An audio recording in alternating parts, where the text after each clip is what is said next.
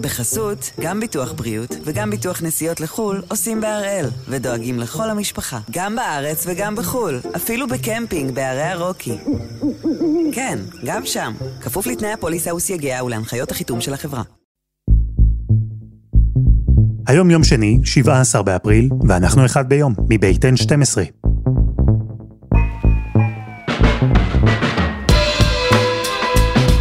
אני אלעד שמחיוף ואנחנו כאן כדי להבין טוב יותר מה קורה סביבנו, סיפור אחד ביום, בכל יום.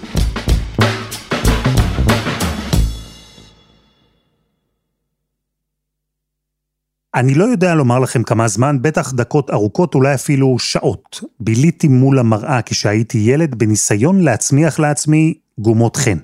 מה לא עשיתי שם? תקעתי אצבעות בלחיים, עשיתי כל מיני קיבוצים מוזרים עם העיניים, עם הפה, עם האוזניים, לא הלך. אין גומות, סתם חיוך רגיל. אני זוכר גם איך הייתי מלא פליאה, ממש, כשאבא של אפרים נעץ את הסכין שלו בעוגה הצמיגית, המגעילה, והיא ברגע הפכה למשהו מרהיב, סטייל הקינוח המושלם. פעם אחת היה ילד ושמו אפרים. הייתה לו אימא כתבת חדשות. אפרים חשב שהיא משהו מיוחד. והיה לו אבא שרק המציא סיפורים, ותמיד עשה לאפרים בושות. בבריכה הוא אף פעם לא נכנס לעמוקים, רק ישב עם כובע בצל. בטיול השנתי של הגן הוא הלך לאיבוד ואפילו לא התנצל. לחתונה של דודה בתיה הוא בא במכנסיים קצרים, במסעדה הוא הולך להציץ בסירים, ופעם הוא נרדם לפני כולם באמצע אספת הורים. במשחק כדורגל הוא תפס את הכדור בידיים, ולבן שלו הוא נתן את השם הנורא אפרים. זה קולו של הסופר מאיר שלו, שהקריא את אבא עושה בושות בפלטפורמת ספרי אודיו והספרים הדיגיטליים סטוריטל. לא מעט שנים עברו מאז, מאז שהספר יצא לאור. היום אני האבא שעושה בושות, או ליתר דיוק אני גם קצת אימא של אפרים, שתמיד עסוקה באיזה רעיון לחדשות. גם הילדים שלי כבר מכירים את זוהר שרוצה גומות חן, או את הקינה נחמה. הם עוד יכירו ודאי את עשיו ואת רומן רוסי, יונב הנער, ושתיים דובים. הם יגדלו כמוני, על כל אלה. ואתם יודעים מה? אולי גם הילדים שלהם. אז הפעם אנחנו עם שלוש שיחות על סופר אחד, מאיר שלו, שהלך השבוע לעולמו.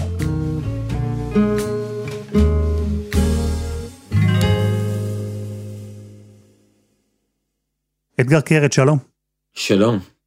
ההיכרות שלך עם מאיר שלו אה, הייתה גם ברמה האישית וגם ברמה הטקסטואלית. ומעניין אותי אם היה חיבור, אם ההיכרות שלך של הטקסט טעמה את ההיכרות שלך של האיש. כן, אבל אני הייתי גם אומר כן ולא.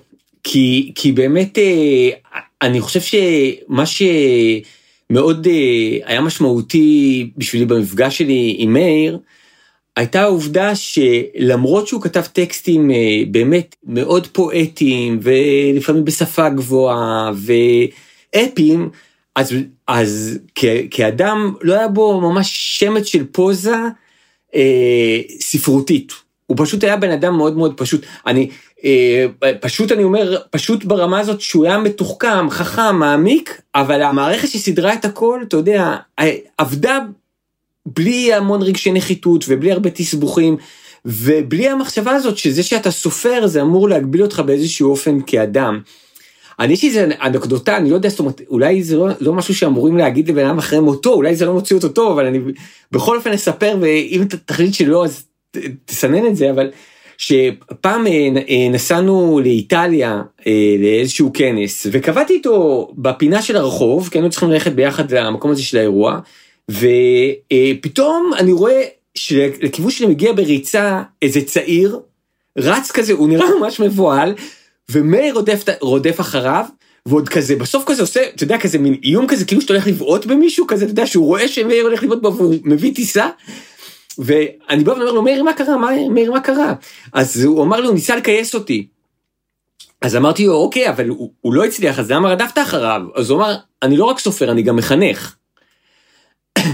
עכשיו, קשה לי לדמיין, אתה יודע, את עמוס עוז או את דוד גרוסמן רצים בסמטאות אחרי אתה יודע, הצעיר איטלקי שניסה לכייס אותם, ומנסים להחזיר לו באיזה בעיטה קטנה כדי שילמד את הלקח.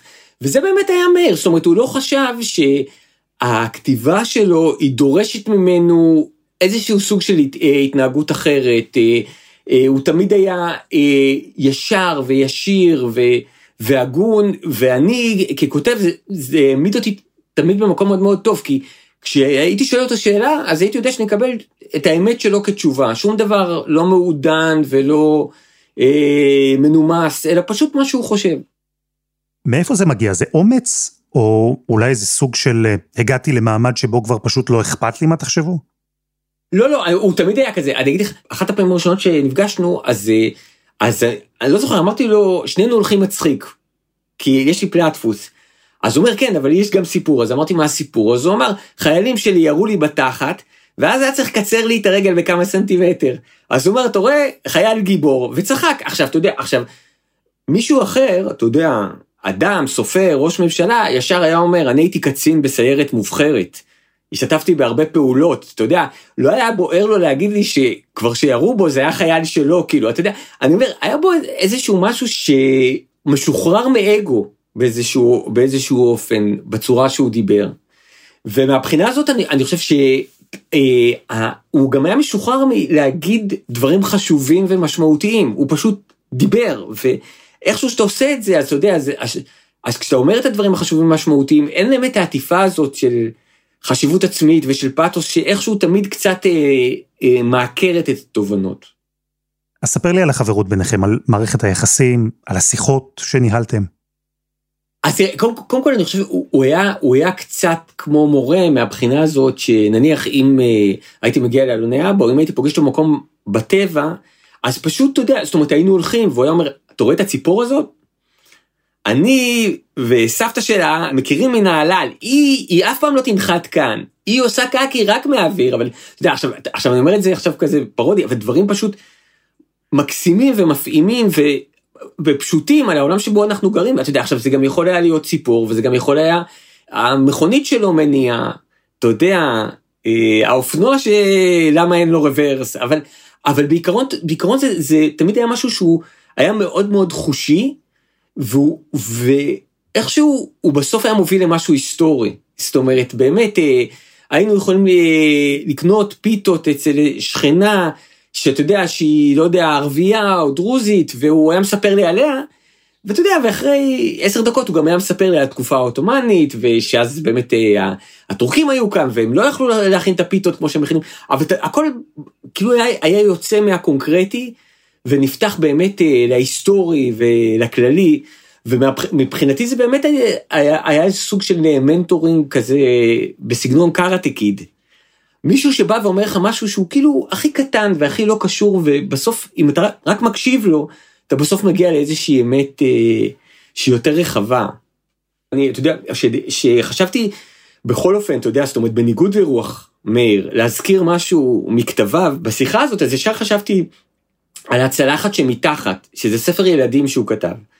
והצלחת שמתחת הוא ספר באמת על אה, הצלחת שהיא בתחתית הערימה, אזרחית סוג ב', ושמחלקים את הצלחות אז אף פעם לא מגיעים אליה. אז היא תמיד במגירה, היא אף פעם לא יודעת איך זה בחוץ. ואז היא מדברת עם ילדה אחת ואומרת לה זה לא פייר, ואז הילדה אומרת כן צריך לעשות צדק חלוקתי, כן? פעם ניקח את הצלחת מלמטה ופעם את הצלחת מלמעלה וככה כל הכלים יקבלו את שלהם. כשפתחה את המגירה השנייה מלמעלה, זאת המגירה של הצלחות, היא שמעה מתוכה קול, קול מוזר מאוד. קול לא גבוה וקול לא עמוק, כמו קול של מקרוב וכמו קול של מרחוק. לא צעקה וגם לא לחישה. קצת כמו קול של ילד וקצת כמו של אישה, והקול אמר, אותי, אותי, תיקחי אותי בבקשה. אפרת התפלאה, מי זה מדבר שם מתוך המגירה? עכשיו אני, אני אקרא את הסיפור הזה לילד שהוא היה קטן, הוא מאוד uh, התרשם ממנו, ואז בהתחלה כאילו בשביל לעשות עליו רושם, כשהייתי מסדר את השולחן בבית, אז תמיד הייתי לוקח את הצלחות מלמטה, ולא מלמעלה. אז הייתי מרים אותם וזה, ואתה יודע, והוא פעם אחת העיר איזה, פעם אחת סתם חייך. עכשיו הוא, אתה יודע, הוא כבר uh, מסיים שביעית, ואני עד היום שאני מסדר את השולחן, אני תמיד לוקח את הצלחות מלמטה. ו, ואתה יודע, ושכל פעם שאני תופס את עצמי, אז אני, אז אני כאילו חושב על הסיפור הזה ועל כמה הוא פשוט וכמה בעצם הוא, הוא, הוא, הוא, בסך הכל, הוא בסך הכל אומר, אתה יודע, לכבד את האחר, לא להפלות, אבל אתה יודע, בלי לדבר על ערכים ועל ירח ועל אה, אלוהים שמופיע בענן. פשוט אומר, גם הצלחת שלמטה מותר לה פעם לראות שולחן, נכון? אז אני אומר, אז גם, גם, גם לאלו שרחוקים מהצלחת מותר להתקרב אליה מפעם לפעם. וזו הייתה חברות בין סופרים? אתם דיברתם על כתיבה, המנטורינג הזה שהזכרת, הוא נגע גם ביצירות שלך, של שניכם? אני אף פעם לא חיפשתי אותם, ואני חושב שגם מאיר לא חיפש את זה אה, איתי, אז, אז אנחנו אף פעם לא, לא דיברנו על הכתיבה. אני, הפחד שלי, באמת בתור סופר, זאת אומרת, אם אני אומר, אם אני הייתי בא והייתי אומר, מה לא הייתי רוצה שיגידו אי פעם עליי, זה שיגידו, חבל, כי היו עוד הרבה ספרים טובים שהוא יכול היה לתת לנו. כאילו, מבחינתי, אתה יודע, זה כאילו, זה יעציב אותי מאוד אם יגידו את זה. אם יבוא, אם יגידו, חבל, הוא יכול היה לבוא ביום שישי, לשחק איתנו כדורגל, אולי לא היינו חוטפים בראש, או יכול היה לתת, לבוא ולתת לנו את המתכון שלו לטחינה, כי זה תמיד יוצא נורא סמיך, אז הייתי מרגיש הרבה יותר אה, אה, משמעותי בנוכחות אה, שלי, ואני חושב שזאת באמת הייתה נוכחות של מאיר, של מאיר עבורי. זאת אומרת, באמת יש הרבה סופרים שאני מאוד מאוד אוהב, אבל שבגלל שחששתי שתהיה איזשהו סוג של דינמיקה של שני סופרים חשובים, אז זה פשוט לא התאים לי, אבל באמת, אבל... אבל מאיר, אני חושב שהפעם הראשונה שהוא רצה שניפגש, הוא לא אמר לי, אה, אני עובד עכשיו על טריורגיה, אתה יכול אולי לעזור לי עם החלק השני, הוא אמר לי, אתה מכיר חומוס טוב בתל אביב? וזהו, וככה נפגשנו, ובאמת, אה, ואני חושב שהיכולת הזאת להרגיש ש, אה, שאתה לא בתפקיד, ועם מאיר, תמיד הרגשתי לא בתפקיד, באמת, אני אומר, העובדה שהוא סופר ושקראתי ספרים שלו ומאוד אהבתי אותם, היא הייתה בחלק האחורי של המוח שלי, אבל היא אף פעם לא צפה בקשר בינינו. בחודשים האחרונים גם, אתה דיברת איתו, אתה פגשת אותו בזמן שהוא uh, התמודד עם המחלה. כן, אני, אני גם רוצה להגיד, זאת אומרת, אני, אני מרגיש כאילו שאני מתוודע על כל מיני דברים, אני, אני, בסוף מישהו ישדר את זה וישמעו את זה אנשים, אבל, אבל, אבל אני גם באמת רוצה להגיד, אתה יודע ש, שמאיר הוא, הוא מהאנשים הקרובים אליי שאיבדתי אותם, שאיכשהו, זאת אומרת, העצב, העצב הוא, הוא קיים וחזק, אבל שעם הכי פחות צער.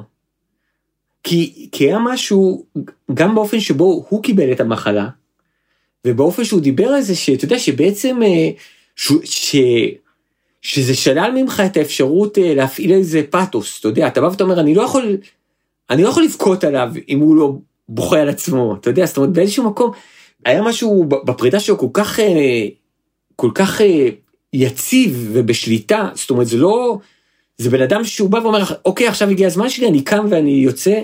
אני זוכר בפגישה האחרונה שלנו, ש, שאני באתי לפגישה, אז אה, בדרך כאילו, ממש אמרתי לעצמי, עכשיו זה צריך להיות, אתה יודע, עצוב, רציני, זה, אתה הולך להיפגש עם מאיר, ו, ובערך תוך עשר דקות אני פחות או יותר, לא אגיד ששכחתי, כי אתה יודע, כי המחלה הייתה נוכחת, אבל הוא כבר צחיק אותי וחייכנו ודיברנו על איזה משהו והוא שאל אותי, אתה יודע, איזה שאלה הכי כזאת, משהו די הכי כזה ארצי. וכשיצאתי מהפגישה, כאילו הייתי באנרגיות אחרות מאלה שבאתי. זאת אומרת, אני הייתי עצוב, אבל הייתי עצוב על עצמי, שאני אפסיד אותו, אתה יודע, הייתי עצוב על כל הדברים שהוא לא יספיק לעשות, אבל, אבל אני באמת, יצא לי להיפרד מאנשים שלא השלימו עם המוות שלהם, ואז באמת זה... זה הרבה יותר קשה, ומהבחינות, אגב, זה, זה גם עוד איזה משהו ששמתי לעצמי בקלסר, שאמרתי לעצמי, הנה עוד אופציה, זאת גם דרך, זאת גם דרך ללכת ולסגור את כל הקצוות. אז אתה יודע מה, אנחנו דבר אחד לא נגיד כאן, שהיו עוד ספרים טובים שהוא היה יכול לתת לנו. אה, אה, אפשר להגיד, אתה יודע, מבחינתי זה פחות מעניין. אני אומר שאפשר היה, היו עוד הרבה חומוסים שהיינו יכולים לנגב ביחד, זה... הוא באמת באמת יחסר, אני מאוד מאוד, אני מאוד מאוד אוהב אותו, אני קשה להגיד אפילו אהבתי. אתגר קרת, תודה. תודה. חסות אחת וממש מיד חוזרים.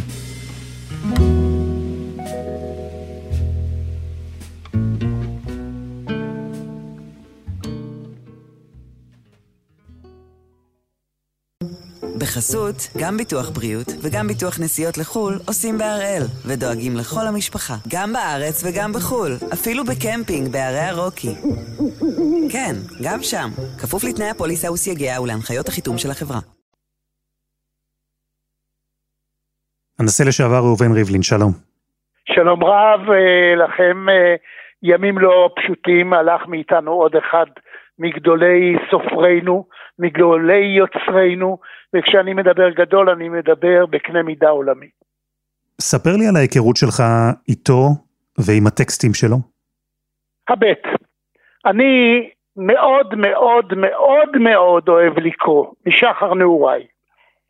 הסיפורים מאפשרים לברוח ממה שאתה עכשיו או באותו רגע, ולפגוש את עצמך במצב שהייתי קורא לו תודעה אחרת. ויש לפעמים שזה מצב הכרחי לאדם. לאדם שנמצא בעשייה ובמחשבה שמטרידה אותו כל היום. מאיר, מאיר שלו, היה מסוג הסופרים שבסיפוריו, לא זאת מלבד שהוא מקים לחיים דמויות וסיפורים, ובאמת דמויות נפלאות וסיפורים משונים, רציניים, פעמים רבות עם חוש הומור, אלא שהוא גם מציל את הקוראים שלו ומאפשר להם, אולי באמצעות הסיפור, לרדת לעומקה של נפשם ולפתוח, לפתוח ממש את ליבם לפנינו הקוראים. איך מצאת את עצמך כקורא בספרים של מאיר שלו? איך הם השפיעו עליך? בספרים שלו שכל כך אהבתי, כמו רומן רוסי, כימים אחדים, עשיו והגדול מכולם פונטנלה, התאהבתי ואהבתי. אני בכיתי ושנאתי, שמחתי וצחקתי, וגם, כן, גם התאבלתי. הרגשתי את כל הרגשות עד להתרוממות רוח ונפש, ממש. עלו בי תובנות, כי פגשתי את עצמי והבנתי אולי דברים על אנשים אחרים, אותם פגשתי במציאות ולא הבנתי. וגם אי אפשר שלא להלל ולשבח את השימוש שלו בעברית, איזו עברית, ובמקורות שלה, של העברית. הייתי רוצה להקריא קטע דווקא מפונטנלה. וכך מספר הכותב, סופרנו מאיר שלו. מה שמך? שאלה. נבהלתי. עמומה, הסבתא, שהייתה מספרת לי ולגבריאל את הסיפור איך האדם בגן עדן נתן שמות לכל החיות, אמרה שככה נקבעה בעלותו עליהן. בעזרת השם, צחקה. ומשום כך אני זוכר זאת היטב, משום שהביטוי הפתיע אותי, ומשום שעמומה כבר לא הרבתה אז לצחוק. מה שמך? שבה אניה ושאלה, ואני שתקתי. ידעתי שהיא מבקשת לעשות אותי שלה. אני יודעת איך אני אקרא לך, חייך. אני אקרא לך פונטנלה. זה שם שרק אני ואתה נדע. מיכאל אמרתי בחיפזון. מיכאל, שם יפה, וכך תקרא לך אימא שלך. אבל אני, אני אקרא לך פונטנלה. חשתי בחיוך שבסגול של הנון השנייה, פונטנלה. אמרתי בשקט לעצמי, נוגע בה באצבעי. מילה זרה היא, לא קלה ללשון בת חמש. תובעת ממנה ללטף, להתענבל אל אחיך. אבל מאז שמעתיה בראשונה, בוואדי, שרוף ורטוב וחבוק, כבר שבתי ואמרתי אותה לעצמי פעמים רבות, במרתף ליבי, כמנהגי בנוכחות אנשים, ועל דל שפתיי, כמנהגי לבדי. בחצר, בשדה, בלכתך, בדרך, בלילה במיטה, וכבר יכולתי לבטאה כהלכה, כמוה, כולל החיוך. וכבר אז, על אף גילי הצעיר, חשתי שפרט לסגולתם של השמות לסדר את העולם ולהרגיע את יושביו, בשם הזה יש, יש גם אהבה. זה מאיר שלו, זה יצירותיו. אלה הם הדברים שריתחו מאות אלפי קוראים בעולם, אולי מיליונים. זו לא הפעם הראשונה שאתה מקריא סיפור של מאיר שלו, הקראת כבר את אה, פנדה יוצאת למרעה, אתה הקול של הספר הזה בגרסת האודיו שלו. הנה פנדה.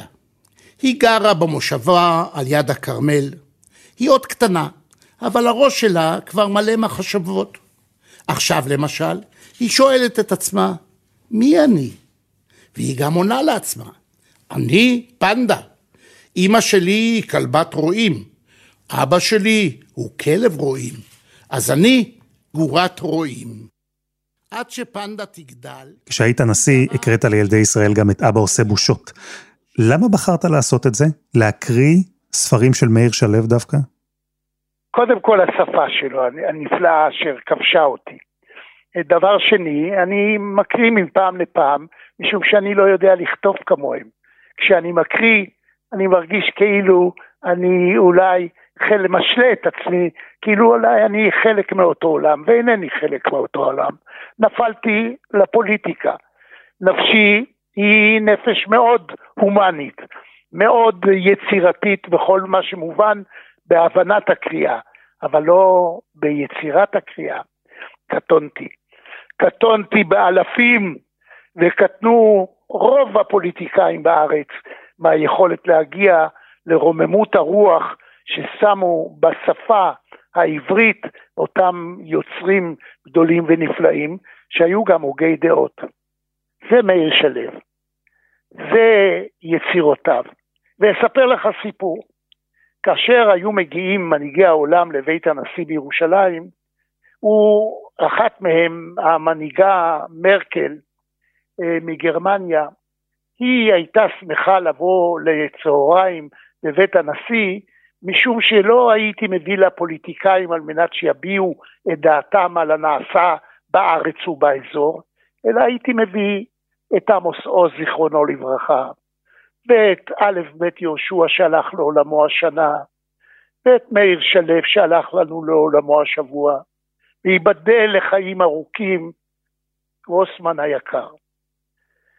והיא הייתה מתפעלת ומספרת לכל מנהיגי העולם עד כמה מעניינים ארוחות הצהריים בבית הנשיא ישראל, מהטעם הפשוט שהוא מביא את אותם הוגי דעות, את אותם סופרים, את אותם יוצרים, אשר הם מספרים על הדמוקרטיה בארץ, על היכולת, על היכולת להיות לאומי וליברלי. ואל לך לזלזל בעניין הזה, מהטעם פשוט שבתחילת הדרך היה מאיר שלו נגד כל לאומי, מאז ששת הימים נגד כל אוהב ארץ ישראל ומבקש את שלמותה. ואני הייתי אחד מאויביו הגדולים. והוא, יחד איתי ובשיחותיי איתי, יכול היה להבין שאולי ייתכן שאדם יכול להיות גם לאומי וגם ליברלי. וזה כל כך הרשים, לא אותנו, שאנחנו אוהבים לריב, אלא את אנשי העולם, את מנהיגי העולם, את אותם אלה שנותנים דין וחשבון לעצמם, לעמם, ואחראים על העולם כולו. זאת הייתה גדולתם של יוצרינו, זאת הייתה גדולתו של מאיר שלו. הנשיא לשעבר ראובן ריבלין, תודה. תודה רבה לך.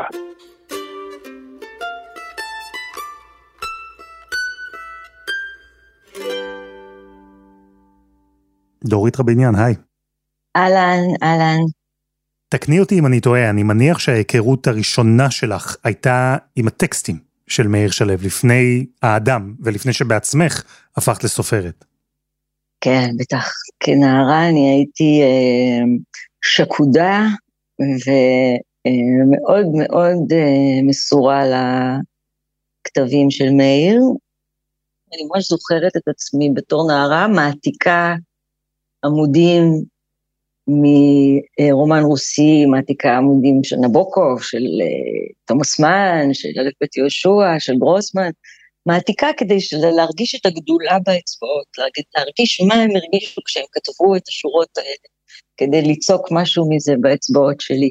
והאמת היא שלימים כשפרסמתי את רומן הביקורים שלי, אה, אמרו לי שאני מושפעת גבריאל גרסיה מרקז, ולא הכרתי אותו, הכרתי את מאיר שהושפע מגבריאל גרסיה מרקז. אז בעצם אני צאתה אה, מאוחר יותר בשרשרת הזאת. אז באמת אה, למדתי, פענחתי את הסוד, כמו להריץ בהילוך איטי את התנועה של הקוסם, כדי להבין איפה הוא הטמין את השפן שהוא שולף, להחזיק נשימה של איזה זולת זר שקורא, להחזיק אותו בגרון, לא לתת לו ללכת לישון, לא, לא לאבד אותו. אז uh, הייתי צריכה ללמד את עצמי איך עושים את זה, והיו לי מורים נהדרים, ביניהם מאיר ועשו ורומן רוסי, הם, הם ספרים ש, שממש ממש הפכו להיות uh, מה, מהרקמות של האצבעות שכתבו את הרומנים שלי. זאת אומרת, אני הפנמתי את הכוח כדי ללמוד את הכוח. אז מה סוד הקסם? איך מאיר שלו הצליח להוציא את אותו אה, שפן מהכובע? סופר טוב הוא לא רק מספר מה, הוא גם יודע להלחין את התחביר של המשפט והמוזיקליות של uh, העברית של מאיר היא פשוט uh, עבור כולנו, היעורים ותומים, יש ניגון בלחן של המשפט שלו, והוא מתנגן בנפש של הקורא באופן כזה שמתחוללת עליו אה, דרמה נלווית לדרמה הסיפורית, הפסיכולוגית, למתח של העלילה. הוא באמת באמת היה בעל מלאכה טוב. מרבים לדבר על התחקירים שהוא עשה בקרב אה, אומנים, אה, שזה גם חלק אימננטי מהתהליך. אבל ב, ב, בשאלות שמאיר הציג לסטטים ולבנאים וליונאים ולאופים, הוא הפגין גם את אותה קפדנות שהייתה לו כבעל מלאכה יוצר של סיפורים. הוא היה מאוד קפדן. ואחרי שנים כקוראת, כזו שהעתיקה ממש את הטקסטים שלו כדי להרגיש אותם באצבעות, אתם הכרתם, הפכתם לחברים. יש uh, קלישאה מוכרת כזו של לפגוש את הגיבורים שלנו, בדרך כלל זה לא דבר מומלץ. האמנם? איך זה היה עבורך עם uh, מאיר שלו? אתה יודע, אני ממש מסכימה במשפט הזה, והיו מקרים. בוא נגיד, ישבתי לארוחת בוקר עם רושדי, אני מקווה ש... שזה יישאר בינינו, ואתה לא אמור לראות uh, את הגיבורים שלך, את הדמויות הנערצות עליך, כשהן אוכלות קרוסון ופירורים נופלים על הזקן. אבל מאיר, יש לנו הרבה קילומטראז' שעשינו ביחד בעולם. היינו בהרצאות משותפות, בסימפוזיונים, בפסטיבלים, ירידי ספרות, אז היו לנו גם הרבה מסעות uh, מנקודה לנקודה, מעיר לעיר, ביבשות וארצות, אז הוא היה חברה מדהימה למסעות.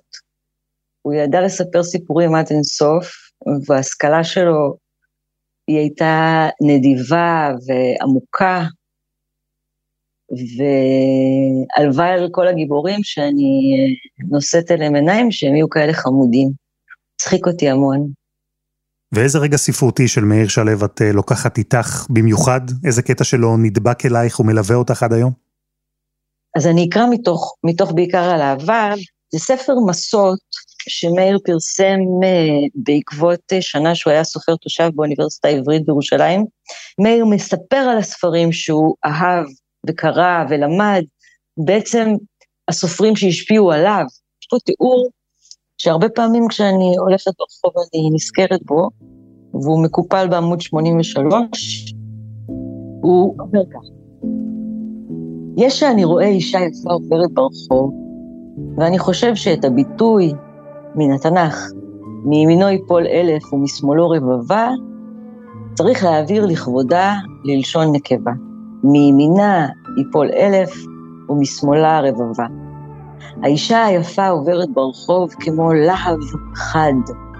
היא משאירה אחריה תלם שקוף של אוויר, חתך שאינו שב ומתאחה, והשרטת חסרת המנוחה הזאת אינה מגלידה בנקל. אנשים חדי עין יכולים לראותה עוד שעות אחרי שהאישה היפה עצמה כבר נעלמה. אל נא תטעו בי או בעצמכם, התחושה הזאת אינה כרוכה דווקא בתשוקה או בהתאהבות. זו התפעלות, זו התפעמות, זה אושר המתעורר למראה היופי שאלוהים בכוונה או במקרה העניק דווקא לאישה הזאת, ולנו העניק את ההזדמנות לראותה. עד כאן מאיר שלו, ומכאן אני רוצה להגיד שההיקסמות הזאת, הנהייה הזאת בעקבות הכתבים שלו, זה לא דבר שנגמר ביום שהבשר והדם פג מן העולם, הולך לו לדרכו אל העולם הבא. היופי הזה שיש ביצירות שלו, זה דבר לדורות. ומי שעדיין לא הגיע אה, לספרים של מאיר, אני ממש מאיצה בו, מפצירה בו, מובטח לכם תענוג, עונג, משמעות, תחושת שייכות, ראייה חדשה אודות העולם, איזה מסך, וילון שיפתח ותוכלו לראות את היופי מחדש ולהעריך אותו מחדש. הספרות היא אוניברסלית, והספרות של מאיר ינקה גם מספרות העולם, כמו מן המקרא, והיטב היטב עשתה. דורית רביניאן, תודה. תודה רבה, אלעד, בהצלחה לכולנו.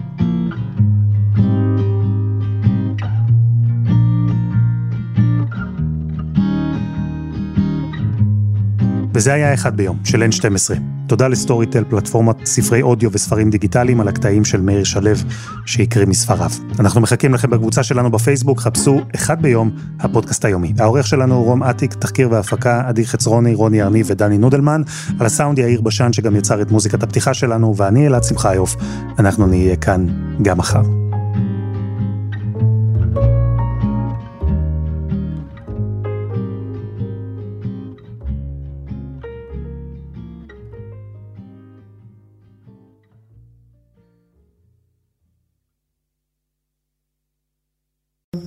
בחסות, גם ביטוח בריאות וגם ביטוח נסיעות לחו"ל עושים בהראל, ודואגים לכל המשפחה, גם בארץ וגם בחו"ל, אפילו בקמפינג בערי הרוקי.